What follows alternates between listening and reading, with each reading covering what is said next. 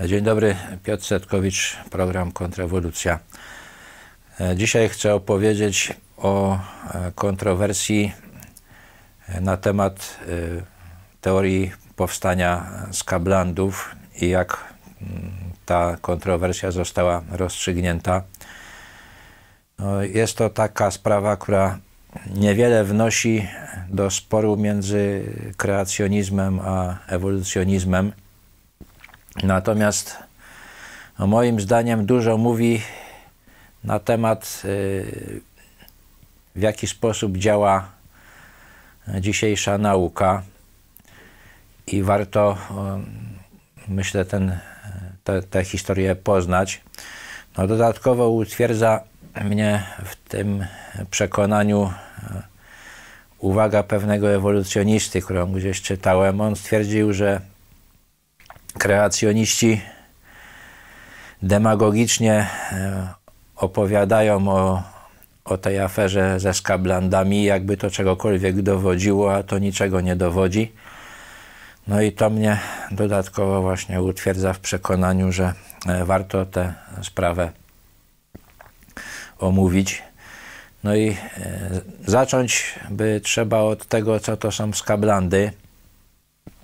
Ta nazwa pochodzi od angielskiego słowa skab, które oznacza strup albo parch albo liszaj.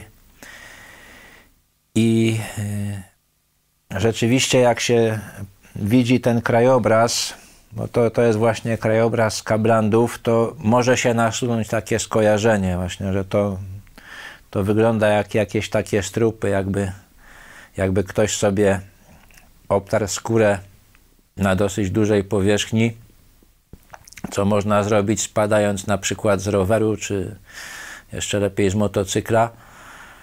No i, no i taki, coś takiego tylko w większej skali to, to właśnie mm, tworzy taki, taki obraz. Tego się w języku polskim nie tłumaczy, bo to dosyć ciężko by było, bo jakieś, jakieś strupowe ziemie czy sparszywiałe, no, no, po prostu mówi się skablandy. I y, jeszcze warto powiedzieć, gdzie one e, się znajdują, to poproszę następny slajd.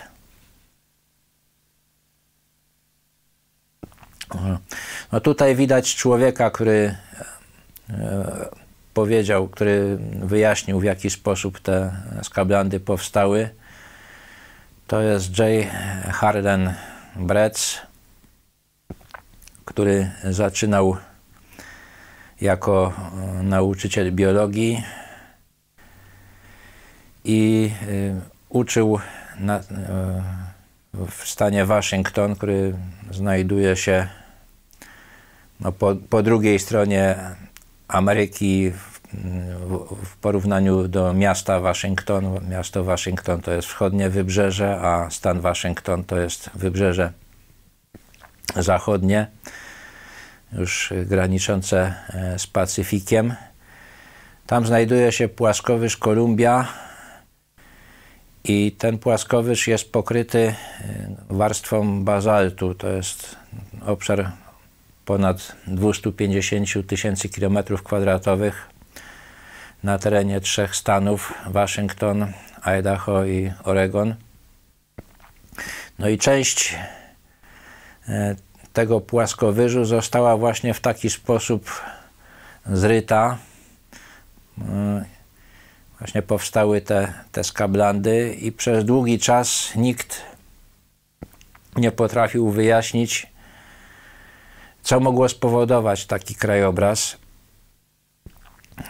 I, no i tak jak mówiłem, e, e, Harlan Bretz, on sobie zmienił to imię, na początku nazywał się Harley Bretz, potem kiedy wszedł w świat nauki uznał, że e, należy przyjąć jakieś poważniejsze imię i wybrał sobie to imię J. Harlan.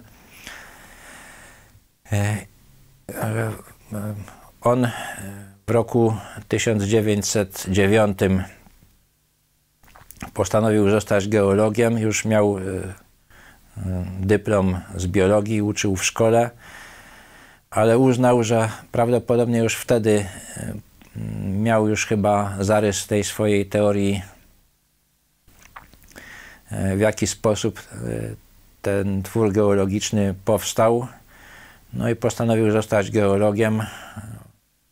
W roku 1913 obronił doktorat na Uniwersytecie Chicago i rozpoczął badania na te, na, nad e, skablandami.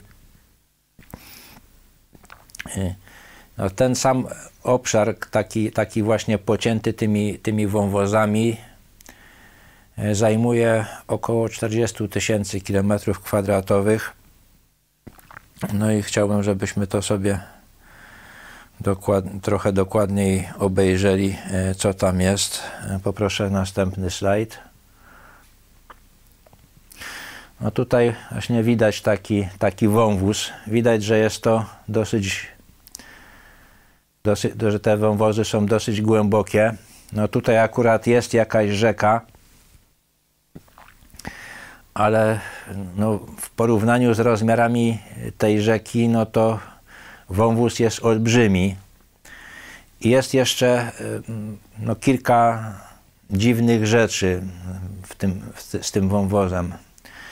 No tutaj może tego nie widać, ale te ściany są prawie że idealnie pionowe i bardzo ciężko było geologom to wyjaśnić, ponieważ e, wąwozy zwykle tak nie wyglądają. Jeżeli wąwóz e, utworzyła woda, to on ma w przekroju zwykle kształt litery V.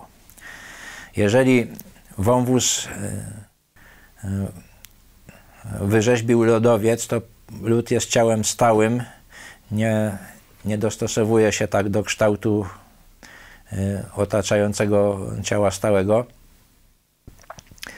czyli w tym, w tym wypadku skał i żłobi zwykle taki wąwóz, taki obły, bardziej w kształcie litery U. A tutaj te, te ściany są prostokątne. Tego może nie, nie bardzo widać, bo tutaj jest rumowisko skalne, ale gdyby to rumowisko usunąć, to, to, to lite skały byłyby prawie że pionowe do, do samego dna. To jest właśnie jedna, jedna z zagadek e, tych, e, tych form geologicznych. No druga to jest właśnie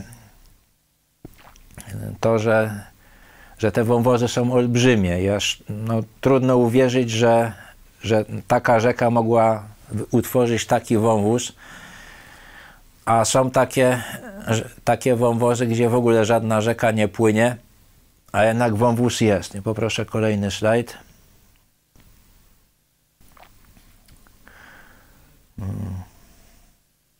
No tutaj jeszcze widać, widać kolej, kolejną trudność y, ze skablandami, że te te wąwozy mm, jakby, jakby są przeplecione. To tutaj widać jakąś rzekę, ale, ale tutaj, tutaj jest coś takiego, jak, jak, jakaś taka jakby, jakby wyspa, która musiała być, jeżeli, jeżeli to woda zrobiła, no to musiała być opłynięta ze wszystkich stron.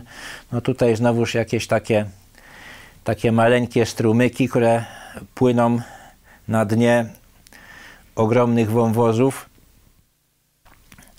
Także y, no, różne teorie powstawały. Próbowano to wyjaśnić albo tym, że to jednak lodowiec się wciskał w jakieś wąwozy i takie wyrzeźbił, albo że jak ten y, bazalt zastygł, to, to tam były jakieś jamy, gdzie, gdzie mm, było tylko powietrze i on, to się zapadło pod własnym ciężarem, ale to żadna ta teoria nie wytrzymywała konfrontacji z faktami. No i poproszę następny slajd. No tutaj jeszcze właśnie widać no, te, te skablandy z lotu ptaka i no jest, jest coś takiego, że coś zdarło warstwę gleby, a potem jeszcze no, zerodowało tę grubą warstwę bazaltu, która znajdowała się pod, pod glebą, no i, no i są właśnie takie, takie jakby stopnie.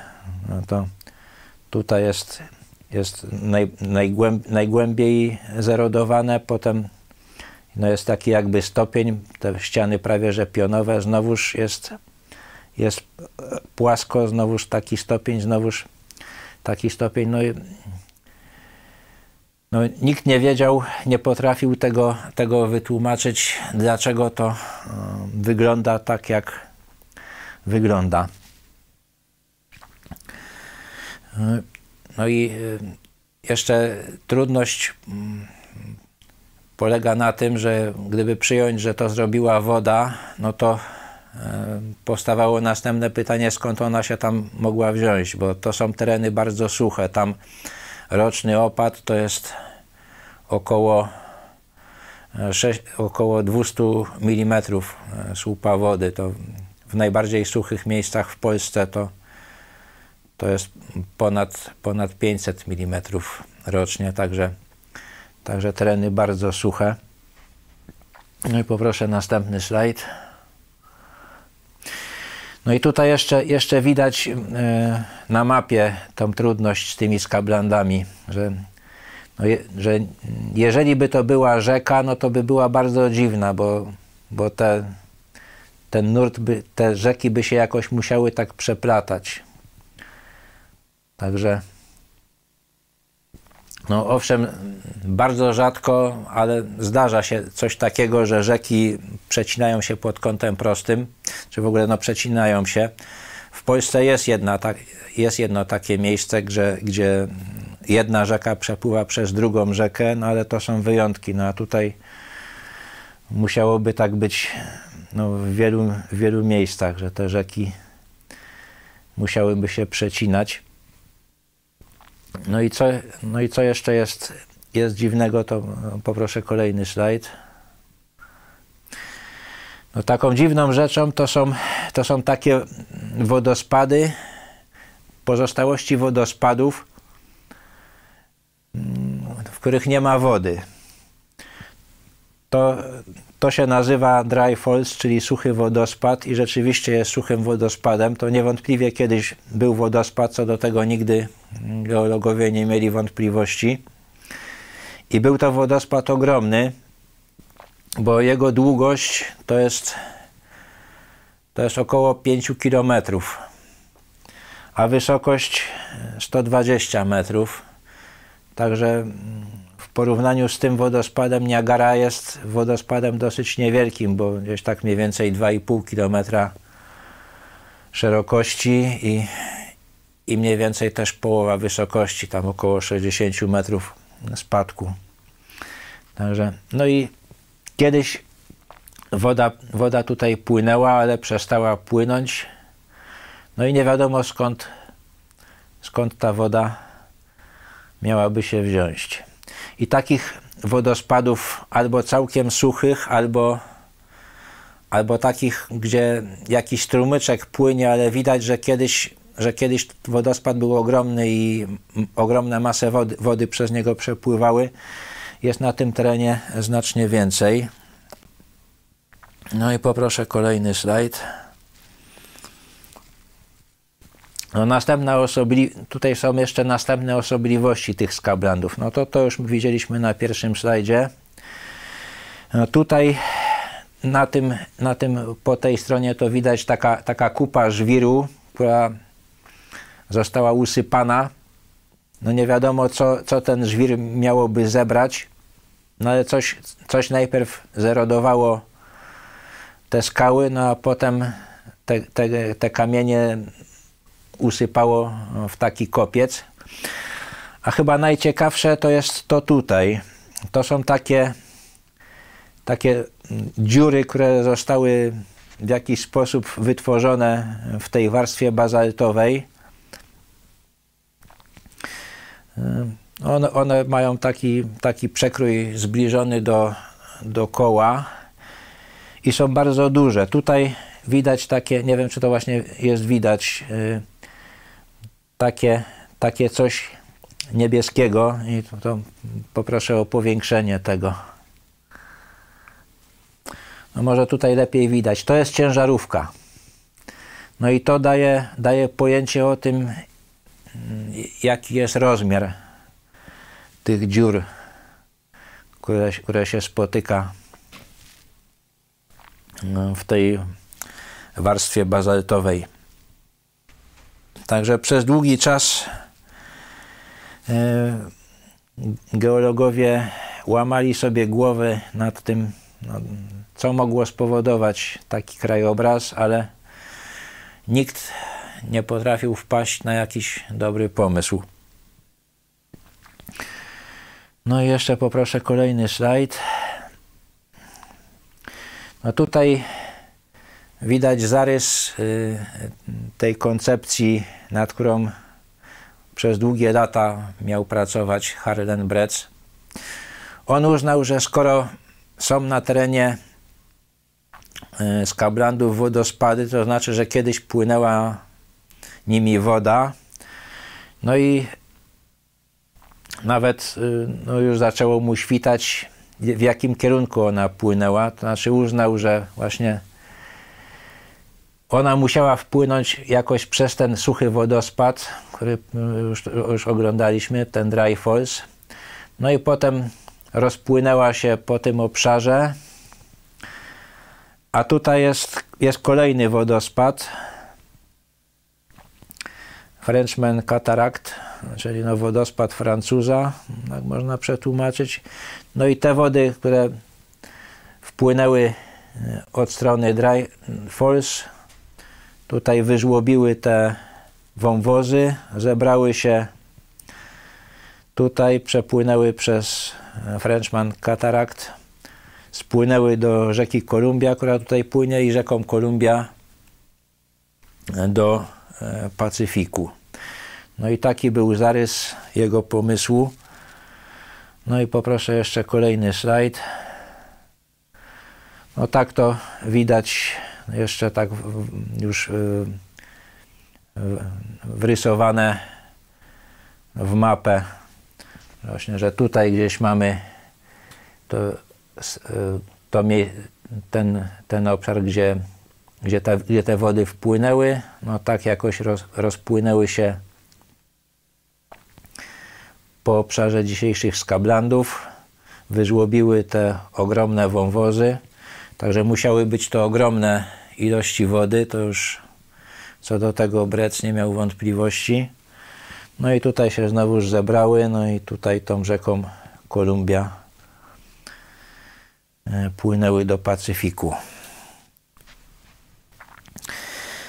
No i co jeszcze, e, co jeszcze e, przemawiało za tą jego koncepcją? No, można, można było dzięki temu wyjaśnić, dlaczego te ściany wąwozów są właśnie takie, takie nietypowe, takie pionowe. To poproszę kolejny slajd. O, tutaj jeszcze widać ten, ten French katarakt, on nie jest całkowicie suchy, tutaj taki właśnie strumyczek wody płynie, ale no widać też, że, że, że to w czasach swojej świetności to przez ten, ten wodospad przepuszczał znacznie więcej wody. No i poproszę kolejny slajd. No tutaj właśnie widać mm, jak krzepnie bazalt. On krzepnie w postaci takich słupków, i te, te słupki są jakby no oddzielne. Te, te szczeliny są takie, że dzielą te, oddzielają te słupki od siebie. No i Brec tłumaczył właśnie to, że te, te ściany wąwozów są takie pionowe w taki sposób, że ta woda, która wpłynęła tutaj, no to wpłynęła nagle, uderzyła z ogromną siłą w te ściany no i zniszczyła całe te słupki, połamała je to i także, także kiedy, kiedy y, tutaj woda żłobiła ten wąwóz, to ona łamała całe te słupki, one, one, one całe upadały, potem, potem łamała no, te słupki na mniejsze kawałki, no i niosła, ale tutaj no jakby no, te słupki są pionowe, no i tak, tak też jak, jak zabierała kolejne warstwy e, tego bazaltu, no to zabierała całe słupki, także w dalszym ciągu te ściany były pionowe. No i poproszę kolejny slajd. No i tutaj właśnie e, to są takie głazy, które powstały w wyniku tego, że, że woda łamała te słupy bazaltowe, niosła je. No i końcu, w końcu gdzieś osadzała. No i także y, istnienie tych dziur, które tutaj oglądaliśmy, też można było wyjaśnić w taki sposób, że, że kiedy ta, ta woda wpłynęła, no to jak płynęła, to tworzyły się wiry, a ona niosła ogromną ilość takich kamieni. No i kiedy tworzył się wir, no to te kamienie no, działały, można powiedzieć, jak wiertło i wierciły właśnie takie dziury, które no, istnieją do dzisiaj. No i e, Harlan Bretz przedstawił tam swoją e, teorię już jako doktor geologii w roku 1922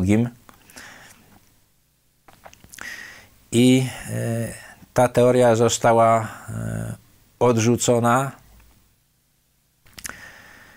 E, żaden poważny e, geolog, żaden autorytet geologiczny nie chciał uznać takiego wytłumaczenia, a wynikało to z tego, że w tym czasie już mm, w geologii rządziła metoda którą zaproponował Charles Lyell w swojej książce Zasady geologii, opublikowanej w roku 1830. On rozwinął poglądy Jamesa Hattona, który żył jeszcze przed nim.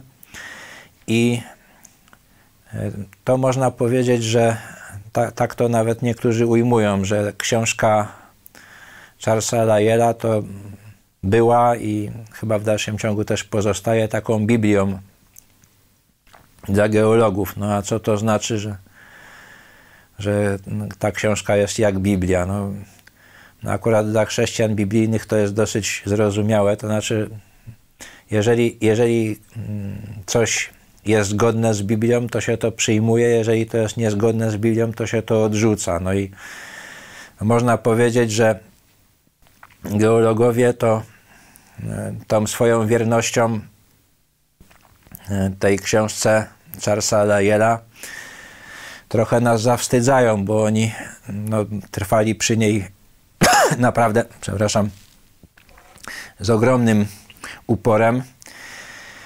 A według e, tej książki ta teoria nie mogła być prawdziwa, ponieważ Charles Lyell e, tych swoich zasadach geologii e, stwierdził coś takiego, że, że każde wyjaśnienie jakiej, zaistnienia jakiejś formacji geologicznej musi spełniać pewne warunki. To znaczy, i te warunki są następujące. No to są właśnie te zasady geologii Charlesa Lyella, no, że przyczyna e, jakiegoś zjawiska geologicznego, jakiejś formy geologicznej musi być e, taka, która występuje też w naszych czasach. No, ta przyczyna musi działać w sposób jednostajny, musi działać e, też przez, przez dłuższy czas. No a to, co zaproponował e, Bretz, no to żadnej z tych zasad żadnego z tych warunków nie spełniało. No bo takich ogromnych powodzi, jakie, jakie, jakie on postulował, to w naszych czasach nie, nie, nie ma. Ta powódź musiała działać przez, też przez krótki czas, no i nie działała w sposób jednostajny. Także, także dla tych trzech powodów ta, ta teoria Harlena Breca została odrzucona z pogardą. Pomimo różnych argumentów, które Brec przedstawiał, no ja tutaj tylko część z nich prezentuję. No i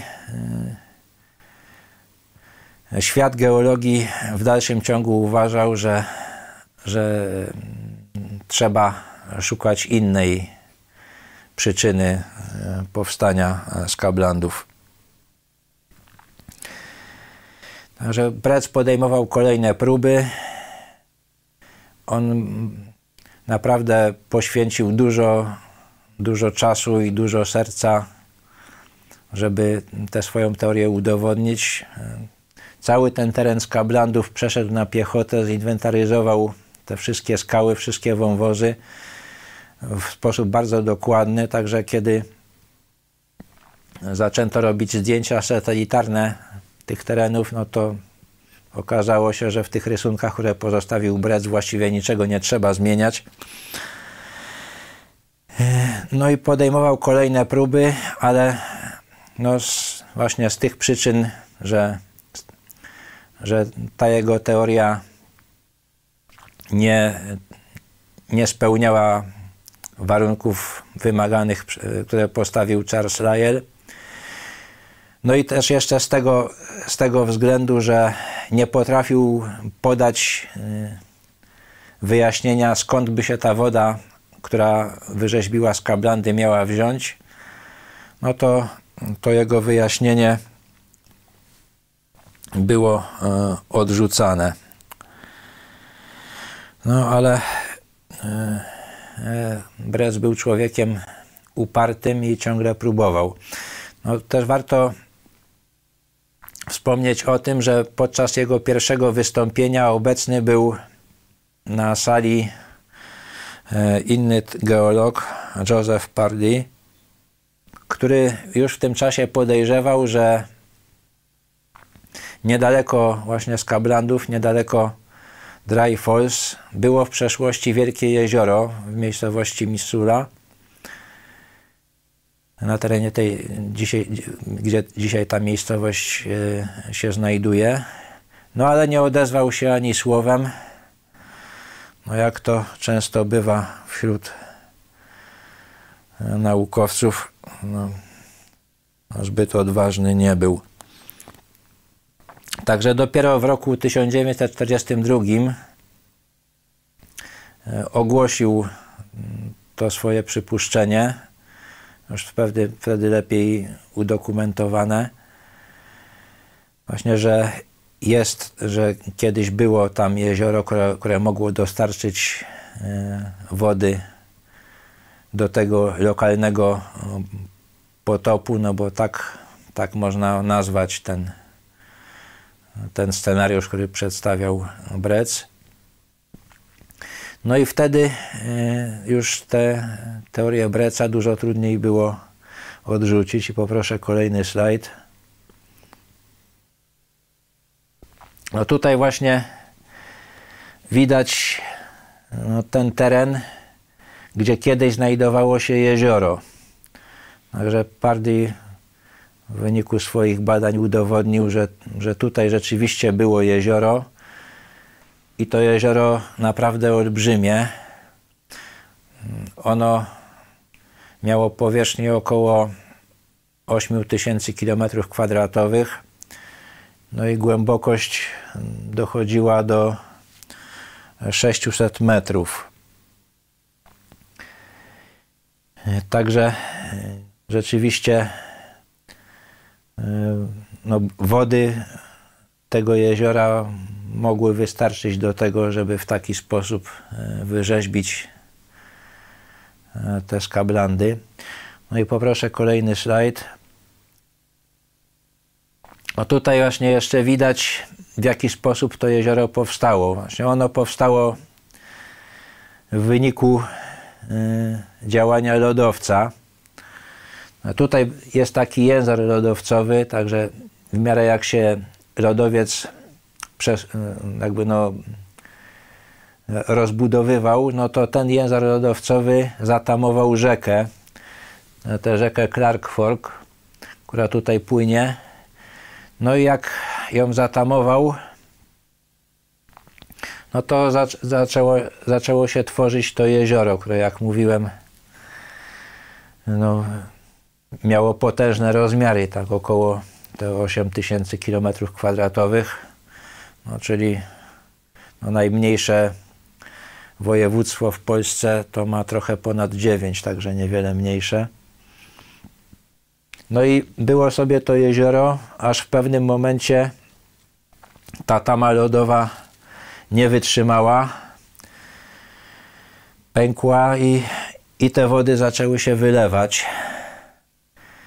No jak wykazały obliczenia, to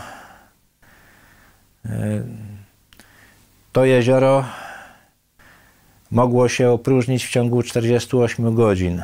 No i zalało ten cały teren, wyżłobiło te wąwozy, zebrało się i przelało się przez ten, przez ten wodospad Francuza, który pokazywaliśmy.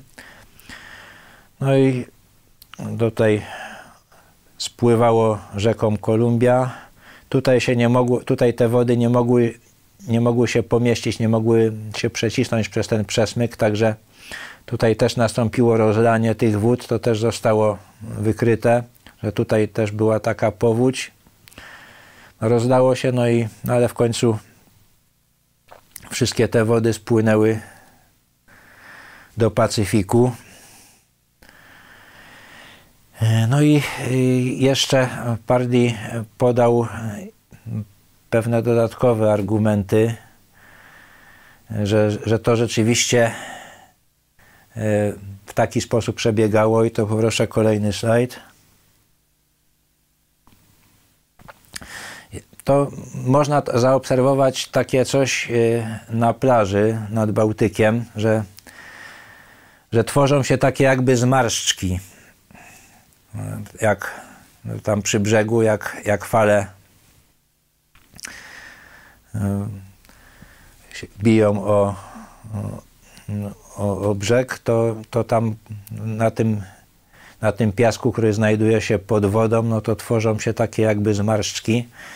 No jeżeli się patrzy na, na strumienie, które płyną w piaszczystym terenie, to to też nieraz na dnie tych strumieni można zobaczyć takie zmarszczki. No i podobne zmarszczki można było też znaleźć na terenie e, tych skablandów. I to pomimo tego, że, że ten grunt, w którym one powstały, był znacznie bardziej spoisty niż piasek, no i też były one znacznie większe. To poproszę kolejny slajd. No tutaj właśnie widać te zmarszczki. Akurat jest tak, że, że rzeka przekroiła ten teren, no i tutaj są jakby takie przekroje i widać, że, że to rzeczywiście tak, to zostało tak, ten, te produkty erozji tak ułożone. I te, te zmarszczki mają do 15 metrów wysokości. Także to pokazuje, że rzeczywiście ten przepływ, który je uformował, musiał być potężny, no i to jest dodatkowa przesłanka, że właśnie to wyjaśnienie zagadki Skablandów, które zaproponował Brec i które potem poparł Pardi, to jest, jest prawdziwe, że to się, to się zgadza ze wszystkimi e, faktami, e, z obserwacjami, jakie można poczynić na tym terenie. Także no w ten sposób można powiedzieć, że cała zagadka została wyjaśniona, ale to nie znaczyło, że to wyjaśnienie zostało przyjęte. Także Brec jeszcze przez długie lata był uważany za e, heretyka, za Hochstaplera i ci naukowcy, którzy wystąpili przeciwko niemu, kiedy tą teorię ogłaszał, to w większości do samej śmierci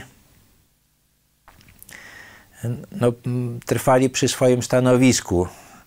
No był co prawda jeden taki wypadek, że Brec zaprosił jakiegoś profesora geologii, który był jego przeciwnikiem, żeby sobie obejrzał te skablandy. No i on przyjechał po raz pierwszy, zobaczył jak to wygląda w naturze. No i w pewnym momencie podobno zaczął się śmiać. I śmiał się długo ze swojej głupoty, że nie chciał przyjąć do wiadomości właśnie tego oczywistego wyjaśnienia, ale to był wyjątek. Inni profesorowie do samego końca swojego życia no, trwali przy tym, że nie można tego wyjaśnienia przyjąć, ponieważ ono jest sprzeczne no, z zasadami,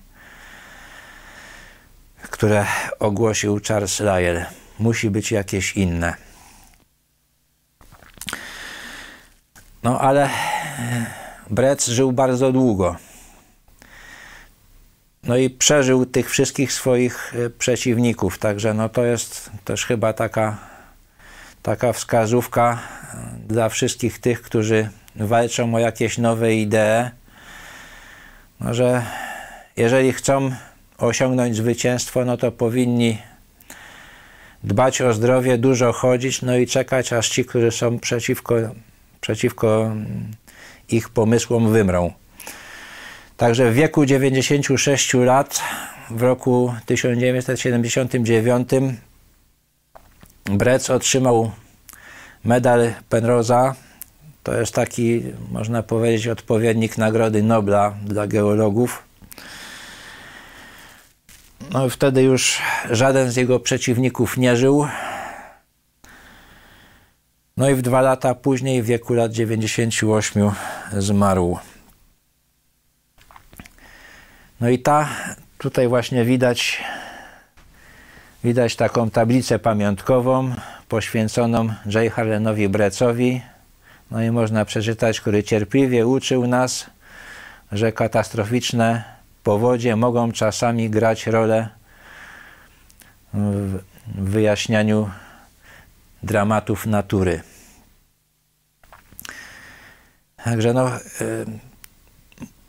ta teoria pokazuje y, potęgę założeń wstępnych. No, każda nauka y, no, wymaga jakichś założeń wstępnych. No, w szkole to się najłatwiej można, można to zauważyć na przykładzie geometrii, gdzie są te pewne aksjomaty, których się nie dowodzi. No nie można, ale ale z nich wszystko, wszystko wypływa. No i no, podobny sposób, podobną strukturę mają także nauki doświadczalne, że są pewne jakieś te założenia wstępne, których naukowcy nie dowodzą, które po prostu przyjmują. No i no jeżeli się te założenia przyjmie dobrze, no to one pomagają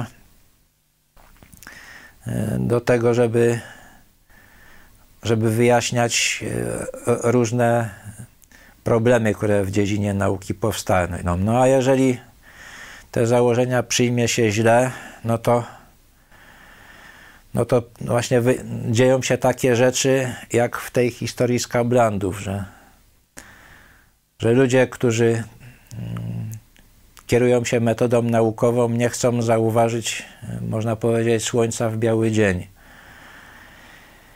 Także no jeżeli, jeżeli by właśnie ktoś yy, mówił, że ta historia niczego nie dowodzi, no to ona jednak moim zdaniem do, czegoś, czegoś jednak uczy, właśnie w jaki sposób działa, działa nauka.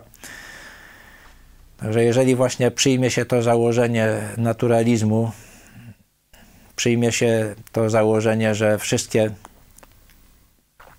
przyczyny yy, wszystkich zjawisk, które, którymi zajmuje się nauka, muszą być naturalne, no to właśnie tak jak, tak jak e, przeciwnicy Breca nie chcieli przyjąć jego argumentów, tak też e, no, nie, nie przyjmie się nigdy takiego poglądu, że był światowy potop. No, to, że był taki potop lokalny, że ten teren z kablandów został zalany.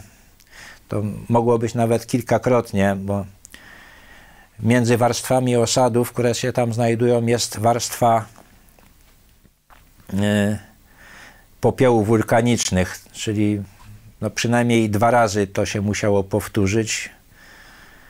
A Brec pod koniec swojego życia dopuszczał, że może to być nawet, mogło to się nawet powtórzyć ta, ten cykl siedmiokrotnie.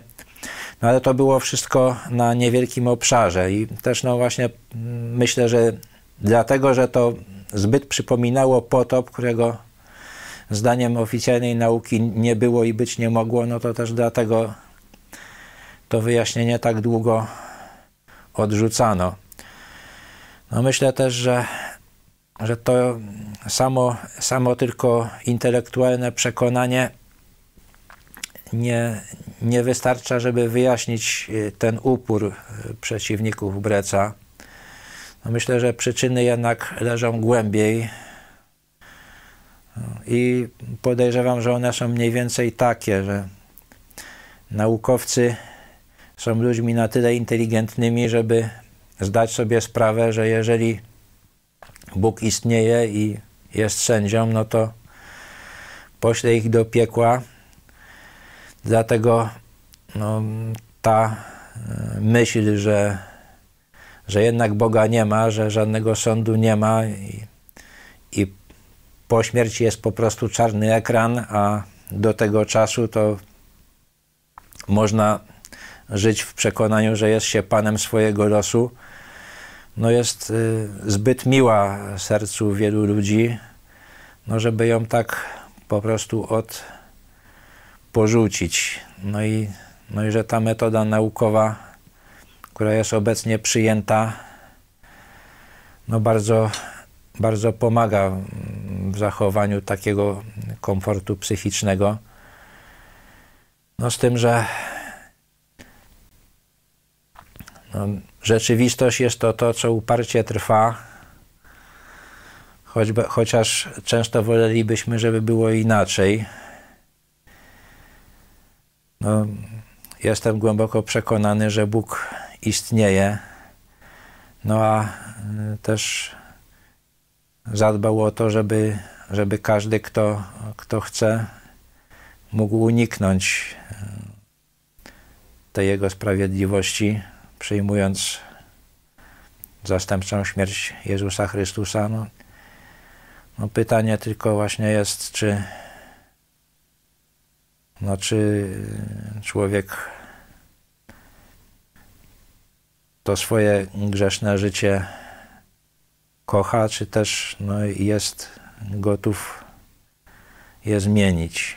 No i jeżeli, jeżeli nie, no to rzeczywiście ta ta metoda naukowa daje mu to złudne, ale jednak poczucie bezpieczeństwa i komfortu psychicznego, no i wszystko, co, co te e, co, co te e, poczucie bezpieczeństwa burzy, no to będzie odrzucane, niezależnie od tego, jak mocne są dowody świadczące o tym, że jest inaczej. Dziękuję.